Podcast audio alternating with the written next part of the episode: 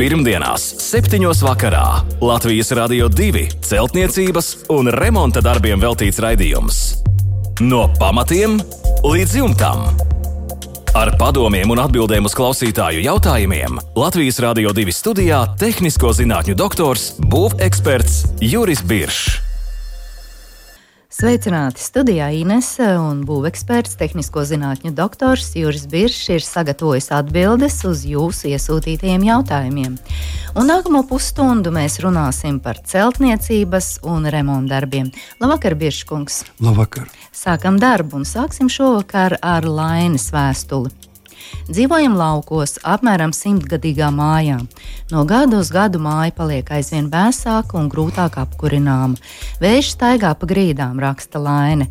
Neko nezinām par sienu sastāvu un iespējām māju siltināt. Ar ko sākt? Kādas darbības jāveic, lai novērtētu mājas stāvokli un kā gal galā varētu māju siltināt? Nu, kā noteikt vecas ēkas faktisko tehnisko stāvokli un arī sastādīt veicamo darbu sarakstu? Es saprotu, ka šajā gadījumā mēs nezinām, kāda ir šī māja lainai. Vai tā ir guļbūve vai stāvbūve. Nu, ko mēs varam ieteikt šajā gadījumā? Jā, Kā rīkoties? Gadījums ir, teiktu, tipisks un, un diezgan ļoti, praktiski sakot, diezgan bieži sastopams gadījums. Un mēs mēģinām viņu lāpīt ar vis visādām iespējām, vairāk vai mazāk kaut ko zinot par savu māju. Bet uh, tipisks uh, tagad iesūtītais lainas jautājums ir, ka nu, mēs praktiski neko nevaram pateikt. Nu, māja ir veca, to mēs sakām, jau pamatīgi ir iznāsājusies, nu, tā tad vēsa vējš, vēju un tā tālāk. Un tā tālāk. Neko cilvēks nezina, ko iesākt. Šeit arī neko. Tas ir tas sākums stāvoklis, kad mums ir jāsaprot, ka būvniecība tā ir tāda pati specialitāte kā visas citas. Teiksim, cienījams tur šofers vai, vai, vai tur, tur direktors vai drēbnieks. drēbnieks vai frizieris. Vienalga tāpat tas arī arī būvnieks ir ļoti diferencēts, ļoti dažāds. Un ir arī ir viņam, nu, nu, kā saka, pēc, pēc zinību pakāpes, pēc attiecīgi um, prakses uh, daudzuma un tā tālāk. Ir šodien mums visi, visi būvnieki, ja, kas mēģina sniegt palīdzību, visi ir certificēti. Ja, Tātad vismaz 5 gadu darba stāsts un vispārējie noteikumi, kam tam nekas ir nepieciešams. Un, attiecīgi, tajā rangu tabulā nu, mēs virzamies uz vienu vai otru pusi, vai augstāk vai zemāk. Un, redziet, jautājums ir ļoti vienkāršs. Kā noteikt ēkas faktisko tehnisko stāvokli? ir speciāla Tā tad speciāli tāda nu, certificēta joma, ko sauc par ēkas apsekošanu. Ja? Ēkas tehniskā apsekošana, kuras rezultātā mēs nosakām ēkas faktisko tehnisko stāvokli. Tā kā ja nekas mums nav zināms par ēku, mēs maz ko zinām, bet ēka ir, nu tad ir jāķeras vērsim pie ragiem.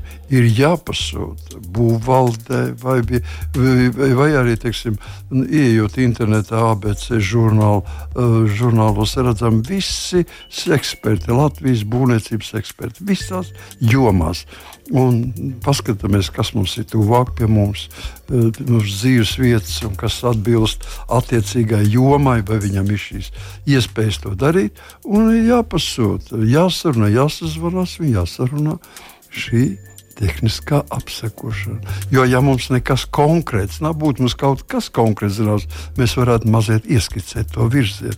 Bet, ja mēs tā pašreiz kā, šai, kā uzrakstīt šis jautājums, šeit ir jātaisa vienkārši te, ēks, tāda tehniska apsekošana ar nolūku iegūt pilnu faktisko tehnisko stāvokli.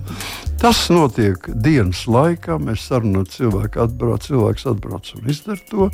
Priekš tā nav vajadzīgs eh, nekāds, nekas cits kā tikai foto, priekš fotofiksāžas, fotoaparāts un cilvēks zināšanas. Ja. To nevar veikt. Jebkurš cilvēks to veids būvnieks, kuram ir šis certifikāts. Tas nozīmē vienkārši būvnieks ar labu pieredzi teiksim, kas jau ap to apmēram zina. Jau pēc ārējā skata mēs pateiksim, jau, kas ir apmēram šai sienā, ir sienas sastāvs un tā tālāk. Tur ir, var, tā ir vesela mācība savā laikā. Pasniedzot uh, Rīgas Tehniskā universitāte, mums bija arī speciāls šāds priekšmets, ja, tehnis, tehniskās apsekošanas pamati, vai, kā to vēju lietu dara un tā tālāk. Tāpēc es domāju, ka šeit nevajadzētu mēģināt iz, izprast pašam un lausties cauri. Nu, tā jums jālaužas ir četri gadi būvniecības specialitāte, lai tiktu par labu ēkas apsekotāju. Nu, tāpēc to var pasūtīt, un tā lieta ir Jūs saņemsiet pretī dokumentu, tātad uz uh, lapām 10, 20 izklāsts, smalks par visu katras jūsu ēkas uh, konstruktīvo detaļu. Par to, kas ir uh, labā stāvoklī, par to, kas ir bojāts, vai tas, kas ir nepareizs.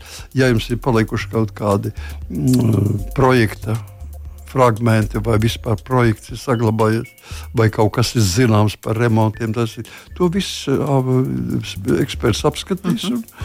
un, un jums radīsies, un viņš un paprasīt no viņa arī tieši tā, kas sastādīt veicamo tuvāko darbu, darbu sarakstu, ar, Jā, ko sākt, pilnībā, ar ko sākt. Pilnībā. Un tad lūk, šāds tehniskais m, apsekojums noderēs jums kā sākuma punkts, un viņš tiks arī ievadīts attiecīgi. Pareizās sliedēs viss. Jā, un bija ievadīts arī attiecīgi būvvaldē. Un, un tad par jums varēs sākt interesēties un rūpēties arī mūsu būvniecības speciālisti. Un nepieļaut kļūdas. Nepieļaut kļūdas. Nu, cerēsim. Nu, cerēsim jā, šajā gadījumā cilvēks, cilvēks vienmēr ir cilvēks, un tāpēc jā. ir cilvēks, ka viņš kļūdās. Bet, nu, lai šīs kļūdas būtu minimālas, mazas un neietekmētas. Mm -hmm. Armāns mums raksta, plānoja mājā uz grunts izbūvēt ūdens silto grīdu. Kādā no iepriekšējiem raidījumiem jūs ieteicāt, ka siltās grīdas pīrāgam pamatnē jābūt šķembām vismaz 100 mm biezumā, un jautājums ir šāds: kādas šķembas nepieciešamas dolomīta, granīta, varbūt kādas citas. Vietējā karjerā piedāvā grants šķembas un vēl kādu šķembu frakciju izmantot. Jā, nu, Tā mazliet varbūt tas, tas iesākums ir tāds nu, mazliet sadalīts. Es salikšu pa plauktiņiem, visu tā kā viņam vajadzētu būt. Un tā tad, ja mēs, es esmu teicis, un tā daudz teiks, un praktiski visiem tā jāsaka, ka katras grīdas pamatne, virs pamatnes, virs kuras mēs gribam veidot grīdu, tad ir jāklāj šie Latvijas apstākļos. Obligāti kaut kur Armēnijā vai kaut kur, apakšā Zviedrijā, kur ir klints, tur tā nevajadzēs likt klāt, tur būs savādāk. Bet Latvijā viss ir jāklāj ar simts. Vismaz, vismaz, varbūt vairāk. Tas ir minimums. Jā, tas ir minimums. Mēs izmantojam biezumā blietētas šķembas, blietētas šķembas, un virs tām jāliek tvaika izolācija, un tālāk mēs varam domāt jau par betonu sagatavi, par uz siltās, siltās grīdas elementiem, kas iestrādāti šajā betonā. Un, un, un tālāk. un grīdas klājums. Jā, grīdas klājums vispārējais. Un tagad jautājums, kādas tieši ķēmas nepieciešams. Šis jau mēs pārējām uz, ja mēs visu laiku runājam par diezgan, nu tas ir pamats, 100 mm šķēmas ir vajadzīgs. Ne smiltis, bet tieši šķēmas. Kāpēc šķēmas? Šķēmas tāpēc, ka mitrumam ceļoties uz augšu, līdz šķembām ūdens iet pilienu veidā uz augšu. Pie šķembām viņš nevar vairāk iet pilienu veidā, jo vienkārši starp attālums starp šķembu gabaliņiem ir lieli. Un tātad šī šī kapilāra uzsūce nav iespējama, un tātad viņš ūdens paliek pie šķembām. Pie šķembām paliekot ūdenim, zem ēkas, kur atrodas šī grīda, viņš sasilst. Pamazām, lēnām sasilst, iztvaiko, un tagad viņš brīvi ceļās uz augšu, un tur viņi noķer, noķer tvaika izolācijas plēve. Redziet, cik vienkārši mēs pilienu veidu ūdeni pārvērtām tvaikā. Tāpēc ir nepieciešams šis 100 mm. Viņi nav nepieciešami priekš tā, kā cilvēks domā, ka grīda būs stabila. Viņa dod arī stabilitātes paaugstinājumu, palielinājumu, bet tas ir tikai blakus efekts. Mums pietiktu arī teiksim, ar grāmatu vai ar smilšu pamatni arī pietikt. Bet grāmatas vai smilts ceļ uz augšu mitrumu. Mums jātiek no mitruma vaļā. Jo kap, kapilāru veidā, tas ir pilienu veida ūdens, viņš saplēš, ja viņš sastiep savā ceļā plēvi, viņš viņu saplēš, paceļ, nobīda. Bet ja viņš ir tvaikveidā, viņš neko to nevar izdarīt spie, bez spiediena. Un tā, tāpēc, ja mēs runājam tagad uz otršķirīgu jautājumu, jau uz Jā. kādam jābūt dolomīta, granīta. Nu, Dolomīta šķēmas ir brīnišķīgs šķēmas, bet viņas ir diezgan neizturīgas. Un blietējot šo šķēmas, mums jārēķinās ar to, ka viņas mm. nedaudz sas, sadrūps, jā. Jā, sadrūps. Tāpēc ar to ir jārēķinās. Granīta šķēmas ir brīnišķīgs šķēmas, bet viņas ir asas šķēmas. Atkal jārēķinās ar to, ka varbūt mēs nespēsim tā noblietēt, ka, kad uzliekamā plēve virsū var saplīst. Tāpēc būs jākār, jāliek vēl 2 cm vai centimetri bieza smilšu kārtiņa, un tad tikai šī plēve jāliek. Tāpēc no tā jāskatās, kādas ir iespējas un ko mēs varam darīt. Kas attiecas uz šķēmu frakciju, tad der visas šķēmu frakcijas sākot. No, tātad atceramies, nu, es, es saprotu, to jāsaka studentiem un, un būvniecībiem, atcerēties, bet pārējiem ir jāzina, ka smilšu frakcija skaitīsies no nulles 0, un tā tālāk nedaudz tūkstošais uz augšu, līdz 5 mm. Un no 5 mm uz augšu līdz pat teiksim, 16 centimetriem ies mums šķemba šķembu frakcija. 16 centimetri? Jā, 16, nu, līdz 16, 16 centimetri sākās laukakmeņi. Nu, jā, nu, bet mums pa vidu uh, būs Varētu. lielas šķembas. Tās skaitīsies šķembas, tie nebūs laukakmeņi. Uh mhm. -huh. Tas skaitīsies šķembas, un, teiksim, 12 mm, centimetri caurmēru, milzīgs gabals akmens. Uh mhm. -huh. Tas skaitās vēl ļoti liela šķemba. Tā neskaidrās laukakmens. Pieņemts, ka laukakmens sāk skaitīs no 16 centimetriem centimetri. Bet parasti mēs redzam, ka šķēmas, ja mēs redzam, kā atved uz objektu vai uz mājas celtniecību, nu, ka visas ir tādas no 3-5 centimetri un, un, nu, un tas arī, arī. Tas arī vislabākās, teiksim, no 10 līdz 20 mm, no 10 līdz 25 mm. Tādas šķēmas būtu vislabākās. Ideāls, uz ko mhm. jāpievērš uzmanība? Lai šķēmas nesaturētu daudz smalknes. Tātad jā. ir māla daļiņas, kas ir ļoti kaitīgas, nu, smilšu daļiņas. Tātad praktiski nu, es nepie, nepastāvu uz to, ka jābūt noteikti mazgātām šķēmbām. Tas būtu ideāli. Bet eh, zem grīdas mēs varam likt arī nemazgāt šķēmas, bet jāskatās uz to, lai smalkne būtu minimālā daudzumā. Kādreiz atved vienu smalkni un šķēmas, tur vispār nav. Nu, tas neder. Sarežģīti tad pirms bēršanas ārā jāpaskatās, ko tad viņi protams, ir atveduši. Protams. Tur tā nemaz nedrīkst uzreiz protams, paļauties, kā būs, tā būs. Pareizinās. Tā tas Jā. ir. Jāskatās visur un visur jākontrolē. Paldies par atbildi Armandam! Pirmdienās, 7. vakarā Latvijas Rādio 2 celtniecības un remonta darbiem veltīts raidījums. No pamatiem līdz jumtam. Ar padomiem un atbildēm uz klausītāju jautājumiem Latvijas Rādio 2 studijā - tehnisko zinātņu doktors, būveksperts Juris Biršs.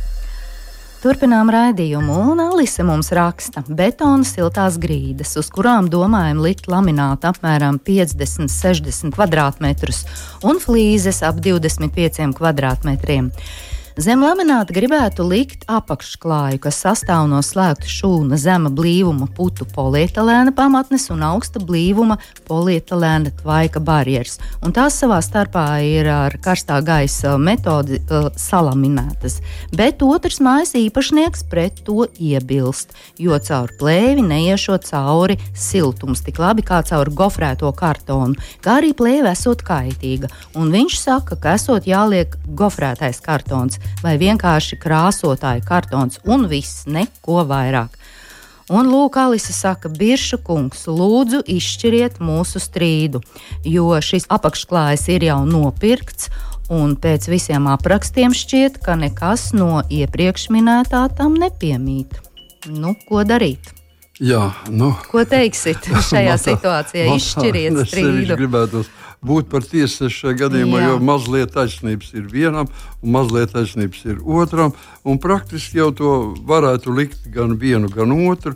Es, protams, pateikšu savas domas, kā man kā es pats to domāju, un es darītu. Bet vispirms varbūt tas pie tā. Tātad, par cik ļoti modē tagad ir šie, šie no šīs eh, sastāvoši no vairākiem slāņiem, ja šie apakšslāņi. Sakausēti. Jā, un mums ir jāsaprot viena lieta, kāpēc viņi vispār ir vajadzīgi. Ja? Tas būtu viens. Un tāpēc atceramies, ka vispirms mums ir grīda un grīda. Parasti, nu, teiksim, nu nevienmēr, bet vismaz 50% gadījumos nav apsildāma grīda, bet ir tikai betona grīda. Un, ja tā ir tikai betona grīda, tad mums jāsaprot, ir, un es gribētu, lai visi atcerētos, ka betonam piemīt ļoti raksturīga īpašība, tā saucamā kapilārā kondensācija. Praktiski katram materiālam piemīt nedaudz kapilārā kondensācija, bet betonā viņa ir īpaša. Kas prastos vārdos, runājot divos, trijos vārdos, kas nozīmē, ka betons uzņem un betons atdod zināmu mitruma daudzumu. Visu laiku mitrums kustībā atrodas. Viņš uzņem vāc no visurienes popa, no grunts, no gaisa, no, no citām vietām un izdod, izstaro apakaļ. Un Latvijas apstākļos 50 mm bieza betona kārta, nu, mēs varētu tā aptuveni teikt, ka uzņem tik daudz, tikpat cik atdod. Tātad, ja betona kārta gaisā pakārta, nevis zemē, bet no zemes viņa atkal vilks mitrumu. Gaisā paliek, mēs no gaisa viņa paņem mitrumu un atdod gaisam to mitrumu. Un šajā gadījumā, ja mums ir grīdas pamatni, ir betons, tad dabīgi, ka tos, be, tas mitrums nāks uz augšu un cels to grīdu gaisā, to grīdas segmateriālu. Vienalga, kas tas būs, viņš cels uz augšu. Viņam ir liels, liels spiediens un liels spēks. Un tāpēc mēs izmantojam šo apakšklāju, kuram ir divas īpašības. Pirmkārt, ir, viņš ir ūdens tvaika necaurlaidīgs, to nodrošina vienkārši plēve. Un otrām kārtām viņam ir apakšā tāda, kā saka, rieviņas, tādas rieviņas, kur, pa kurām tas ūdens tvaiks, kas nāk no betona, izkļūst ārā pie grīdas līstēm nokļūst pie grīdas līstiem, un tur pie grīdas līstiem viņš iziet ārpusē. Un mēs esam izvadījuši, un grīda ir mierīga, gluda, viss kārtībā. Otrs, tādos gadījumos šī, šis aprakstītais apakšklājs ir vienkārši neaizvietojams. Viņš ir ļoti labs un, un praktiski tas arī ir vienīgais, ko gandrīz var, var lietot. Jo pārējie visi vairāk vai mazāk, teiksim, nu, varbūt kaut kur atpaliek. Bet, bet šajā ir, gadījumā ir siltā grīda. Jā, bet šajā gadījumā ir siltā grīda. Kādas izmaiņas? Izmaiņas ir tādas, ka ziemā viņa katrā gadījumā mitrumu nedos, jo viņa ir silta. Viņa ir uzsildīta, viņa nedos mitruma, viņa dos tikai, tikai siltuma plūsma būs. Un tikai vasaras mēnešos, kad mēs ne, parādīsies pēc zināma laika, parādīsies šis ūdens mitrums, kas tomēr ir parādīsies tur. Ja? Un tāpēc es teiktu, tā, ka vas, šādi pie siltām grīdām eh, šis apakšklājs jau paliek ne vairs obligāts, bet pieciešams. To var pieciest, ja mēs pareizi viņu ieklājam. Un tādā, tajā gadījumā, ko tad mēs citu varam likt? Jā, tiešām man arī es pilnīgi piekrītu uh, otram mājas īpašniekam, gofrēts kartons. Gofrēts kartons ir ar izteiktām rieviņām, pa kurām var virzīties šis ūdens tvaiks, un šis kartons ir impregnēts. Viņš ir, nu, saka, nevis ne, nedodies krāsotāji kartons, bet noteikti kartons ar rieviņām. To var klāt impregnēts kartons ar riebiņām ir gandrīz teikt, varētu teikt, ir vislabākais šajā gadījumā. Jā, un redz, tas kaimiņš saka, vienkārši krāsotāja kartons. Nu, vienkārši krāsotāja kartons ja? bez riebiņām nedara. nedar, ja? Tur nedara. Tur jāliek ir rievīt. Galvenais ir novadīt šo mitrumu projām. Un tāpēc, ja gadījumā tomēr Alise grib un pastāv uz to, ka būs šis apakšklājs, kas ir iegādāts jau, ja, tad jāskatās uz to, lai viņš būtu uz ideālas virsmas, lai viņš ietu līdz pašai sienas. Nu, Līdz pašai sienai, bet mazliet uz sienas uz augšu, centimetru uz augšu uzlocīts. Mm -hmm šis apakšklājs. Nevis tikai līdz pašam, viņš var nostopēties un tad uh, ne, neiešas šim tvaikam, jāiz, jāiznāk ārā pie ūdens tvaikam zem grīdas līsts. Šajā vietā viss, viss tas Jā, šo uzlocīto centimetru. Viss lamināts ir 20, 20, 20 mm no sienas nost, un šis apakšklājs iet līdz pašai sienai un vēl palocās uz, uz augšu. Un tā kā viss tas tvaiks var pagriežas, iet pa tām rieviņām un brīvi iziet ārā šis spraugā. Tas ir obligāti ļoti skrupulozi jāskatās. Un, un, un pār, praktiski visos, visi, visi noteikumi, ko nozīmē lamināta ieklāšana, ir jāizpild. Tad var lietot arī šo apakšklāju. Vienkāršāk protams, būtu ar gofrēto kartonu, kur tāpat laiž līdz sienai un nedaudz uz augšu. Uz augšu. Jā, bet nu, šajā gadījumā ir iegādāts. Nu, ir iegādāts, bet tas nenozīmē, ka viņš nav derīgs. No tā, ne, viņš ir Protams. derīgs, viņu var lietot, bet viņam ļoti uzmanīgi jāieklāj. Mm. Paldies par atbildi Alisei. Edgars lauku mājā grib ierīkot apsildāmo grīdu. Turpinām par apsildāmajām grīdām. Ja iebetonē, vai tas nav kaitīgi veselībai, jautā Edgars, un kādu būtu labāk izvēlēties grīdas segumu? Nu, ar ko tad atšķiras lamināts no grīdas flīzēm? Nu, atšķirība laikam ir liela. Tomēr. Jā, nu, bet pirmais jautājums tad Jā, par to apsildāmām grīdām. Nu, apsildāmās grīdas ir ļoti modernas un ļoti pieprasītas. Un praktiski gan izvēlēt katrā jaunā mājā mēs nu, gan arī 99% noteikti vismaz pirmais stāvs un, un virtuves un koridori ir zem vannas istabas, ir tātad zem šīm jau apsildāmām grīdām. Vienalga, vai tas ir elektriskais apsildāmais iespēja vai tā caur, caur teiksim, karstu ūdeni. Vai tas ir bīstami veselībai, vai tas ir kaitīgi vai nav? Es jums pateikšu, ka tas ir apmēram jautājums, ir apmēram tāds pats, ka, kā, nu, teiksim, es nezinu, redziet, ja, ja cilvēki, divi cilvēki, viens strādā ar, ar, ar ar kailām rokām pa epoksīdu sveķiem. Ja? Viņš, viņš sajauc epoksīdu sveķus ar cietinātāju, ar, ar, ar pašiem sveķiem un strādā kailām rokām. Viņam nekas nav.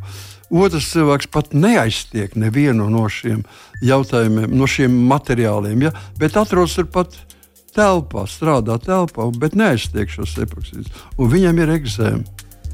Ādas eksēma rodas. Nu, tas nozīmē, ka cilvēki ir dažādi, dažādi jūtīgumi. Un šajā gadījumā es teiktu tā, ka ūdens sevišķi un par uh, strāvu vispār nerunājot, kas jau obligāti veidojas, ūdens plūsma kustoties, izveido nelielu magnetisko lauku. Jebkura kustība, teiksim, kustoša, uh, strāva vadošs šķidrums var radīt šo lauku. Un tāpēc mums veidojas neliels magnetiskais lauks. Ja jūsu organisms piecieš šo magnetisko lauku, jums nav nekādas, nekādas jau teiksim, gaisā, jau mums, mums ir ārkārtīgi piemērots. Gaiss ir ar visādiem magnetiskiem starojumiem, miljoniem mobilie telefoni. Nu, viss, tas viss veido tā saucamo elektromagnētisko smogu. Un šis elektromagnētiskais smogs arī šajā telpā veidos nelielu elektromagnētisko lauku. Ja cilvēks ir ļoti jutīgs, un es zinu tādu cilvēku, kas ļoti jutīgi, viņi automātiski izvēlas telpā tās vietas, kur šis starojums tikpat kā nav. Tā kā Mums grūti pateikt, vai tas ir tas ats, uz dažiem individiem tas atstāja spēcīgāku iespēju, dažiem mazāk. Var, respektīvi, var ietekmēt veselību. Bet, nu, var ietekmēt. Tas būtu, ja cilvēks grib iegādāties šādu apsildāmo grīdu, tad viņam vajadzētu vispirms pamēģināt eh, kādu dienu padzīvot šādos apstākļos. Vai der vai nedara. Vai der vai nedara, jā. jā, un par laminātu un nu, flīzēm, nu, tur ir atšķirība. Grīdas flīzē, es saprotu, ka jautājums ir uzdots tikai attiecībā uz apsildāmām grīdām. Jā, jā, noteikti. Un tā tad, eh, ja teiksim, apsildāmās grīdu sastāvā ietilps ne tikai padot šo darba šķīdumu, šis darba šķīdums tiek uzkarsēts nu, vismaz 40, 50 grādi kā minimums. Bet tādu mēs karstumu nevaram laist uz grīdas. Sevišķi teiksim, uz lamināta grīdas vai uz koka grīdas. Šis koks izžūs, šis koks saplaisās, viņš griezīsies. Koks nav domāts tādiem karstumiem. Ja? Tāpēc mēs ar īpašu ierīces palīdzību, ko saucam par nu, ar kuras palīdzību mēs vienkārši mainām šo temperatūru. Ja? Šo temperatūru un mēs sam, samazinām šo temperatūru un laižam kontūrā tikai zināmu daudzumu. Laminātam šī temperatūra ir 26, 27 grādi. Bet plīzē pavisam cita. Plīzēm jūs varat, tur nav, nav šie, šie organiskie materiāli, un tur mēs varam atļauties pat līdz 30 grādiem. Nu, praktiski var atļauties tik, cik cilvēks var izturēt. var izturēt, vai viņš ir mieru to darīt. Ja? Nu, es domāju, ka vairāk kā 30 vispār nevajadzētu to darīt. Tas jau paliek, paliek apgrūtinoši sirdī un tā tālāk. Bet uh, tā starpība ir tikai tā šajos jautājumos. Un, teiksim, stāties priekšā, mums ir 26 vai 20, pat 25 teiksim, parketā, zem parketa. Mēs liekam 25 grādu uh, apsildāmu. Cilvēka temperatūra, cilvēka ķermeņa temperatūra 36 1,6. Tas nozīmē, ka mēs pieliekam pie grīdas, viņa ir augsta. Mēs redzam vēsumu, kas tā pa siltu ar 26 grādiem. Tāpēc ir apsildāmas grīdas.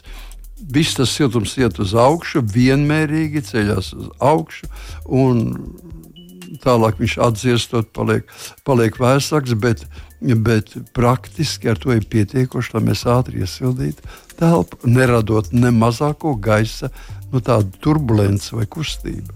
Jā. Neceļot putekļus un tā tālāk. Tā kā atšķirība ir tikai temperatūras mhm. ziņā. Kā? Un vēl, ja temperatūras ziņā man ienāca prātā doma, ka, ja mēs ieejam vasarā mājā, kurā ir flīzes un lamināts vai koku segums, tad uz flīzēm mēs jūtam šo vēsumu, bet koka grīda ir plikai nu, pēdai ļoti patīkama. Nu, protams. Ines, jūs uh, saprotat, ka, ka flīzes ir nu, vai nu akmens masa, nu, vai, vai jā, keramika. Jā, ja? Un keramika ir augsts materiāls, ar kā burti mm. rakstot. Augsts, ja, mm. mēs jūtam, viņš skaļš, augsts, trausls. Un lamināts ir pilnīgi pretējs. Tas ir kaut kam līdzīgs kokam. Un, un vislabāk koks. Jā. Jā, paldies par atbildēt garām. Un vēl ir mums Ivo jautājums. Jautājums par mansardas stāvu ar divslīpu jumtu siltināšanu. No ārpuses metāla segums, latojums, piespiedu latas, jumta plēve, melno dēļu klājums, spāres plus mīnus 150 mm un solis vidēji 1000 mm. Un jautājums Ivo ir šāds: ar kādiem materiāliem no iekšpuses pareizāk sasniedzot maksimālo efektu, nosiltināt visu mansardas stāvu līdz pat jumta korei? Gribētos, lai visā telpā būtu dabīga gaisa apmaiņa, bez piespiedu ventilācijas. Abas gala sienas, trīs stūri, izveidoti no gan vertikāli, gan horizontāli samontētiem 120 mm tēstām brusām. Jā. Šāds nu, jautājums. Jautājums ir diezgan plašs un slikti. Tas ir gadījies mums jā. ir jau tuvu nobeigumam. Jautājumi varētu izspriest un varētu daudz. Es vēlreiz atgriežos pie cilvēkiem, kas iesniedz mums jautājumus par jumtiem. Ja jūs rakstiet par jumtiem, tad lūdzu atceramies vēlreiz un vēlreiz mhm. atkārtoju, ka visi jumti dalās divās daļās ir jumti nepārtraukti, kuriem nav šūvju, kas ir nepārtraukti visā klājumā, un ir jumti, kas sastāv no atsevišķiem gabaliem, kas tiek stiprināti ar skrūvēm. Pirmajā gadījumā mums nekas zem jumta nenonāk, tikai mēs radām vienu gaisa plūsmu un viss ir kārtībā. Tātad zem otriem jumtiem, bez gaisa plūsmas, mums jārēķinās ar sniegu, kas starp gabaliem, jumta atsevišķiem gabaliem iesprādzās iekšā. Tāpēc mums jārēķinās ar divām gaisa spraugām, divas plēves, sarežģītāks jumts. Jā, un šajā gadījumā mēs nu, nezinām, no mēs nezinām segums, kāds viņš ir. Tas, ir. tas ir pirmais, ko noteikti vajadzētu, vajadzētu teikt. Vai viņš ir, vai teiksim, metāla jumts ir falss, valce, ja? vai, vai viņš ir uz skrūvēm. Nu, Tāpat tas attiecīgi uz visiem, visiem pārējiem jautājumiem. Tātad, ja šie jautājumi varētu pateikt, tad mēs varam, un tālāk seko likums. Tātad gaiss jebkuram jumtam, gaiss pie pažobeles, tātad pie jumta dzegas, pie pažobeles, ieiet jumta kastē, vai vismaz tajā zonā, kur atrod, jāatrodas jumta kastē. Viņš tālāk nokļūst gaisa spraugā, kur veido jumta segums ar mm, difūzijas plēvi. Tas ir tiem jumtiem, kuriem ir tikai viena sprauga, kas sastāv no nepārtraukta jumta klājuma. Un tiem jumtiem, kuras sastāv no atsevišķiem gabaliem, ir divas spraugas. Pie pirmās spraugas viņš neiet gaisa absolūti, bet pirmajā spraugā sakrājas sniegs, kondensāts slīd uz leju un brīvi iekļūst noteku renē. Tātad virspusē virs, iz, iz, ietek renē. Un zem šīs ir veidot otrs sprauku pa gaisa. Tātad vēja kastē gaisa iekļūst atkal spraugā, kura ir zem šīs pirmās spraugas un dodas augšā līdz pašam korei. Un pie koras viņš iziet ārā. Nu, Es gribētu teikt, diezgan sarežģīts jautājums. es ticu, ka cilvēki. Bet, ja Bet, ja rodas šādi jautājumi, šīs ir vietas, kur jāgriežas pie speciālista. Speciālists jums parādīs gan zīmējumā, gan uz vietas dabā, kur un kādam jāizskatās šai konstrukcijai. Atceramies, ka jumta vai teiksim, vienalga istaba, jumta bēniņu istaba nav saistīta ar jumtu. Nav saistīta ar jumta konstrukciju. Jumta konstrukcija ir sava ventilēšana, telpai ir sava. Bērniņiem ir sava, jā. jā. Atsevišķas sistēmas. Jā, paldies, Biržkungs, par atbildi Ivo. Līdz ar to šovakar mūsu raidījums tuvojas izskaņai. Atgādināšu e-pasta adresi remonts at lr2.lv. Sūtiet savus jautājumus, varat pievienot arī fototēlus, un jautājumus varat iesūtīt arī caur mūsu Latvijas Radio 2 mājaslapu. Un, protams, esam atrodami arī populārākajās podkāstu straumēšanas vietnēs.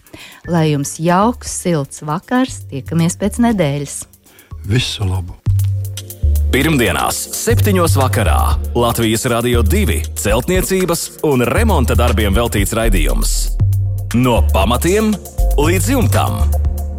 Ar padomiem un atbildēm uz klausītāju jautājumiem Latvijas Rādio 2 studijā - tehnisko zinātņu doktors, būveksperts Juris Biršs.